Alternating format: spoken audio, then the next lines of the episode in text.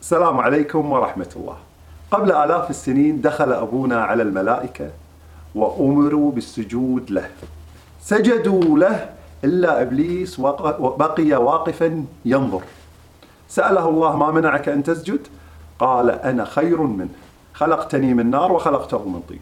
بدأت العداوة ولأن الله عز وجل يعلم أننا لا نرى إبليس أخبرنا إن الشيطان لكم عدو فاتخذوه عدوا. الله الذي خلقكم من ضعف.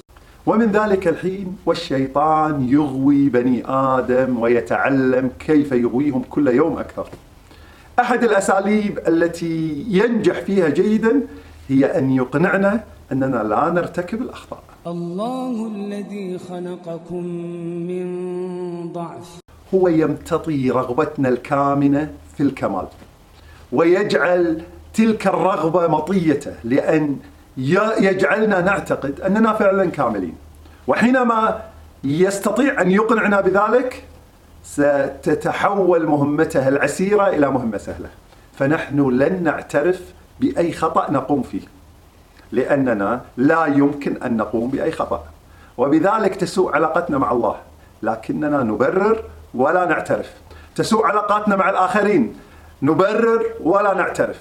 لكن الله عز وجل يقول عن الذين آمنوا وإذا فعلوا فاحشة أو ظلموا أنفسهم ذكروا الله. يا أيها الناس أنتم الفقراء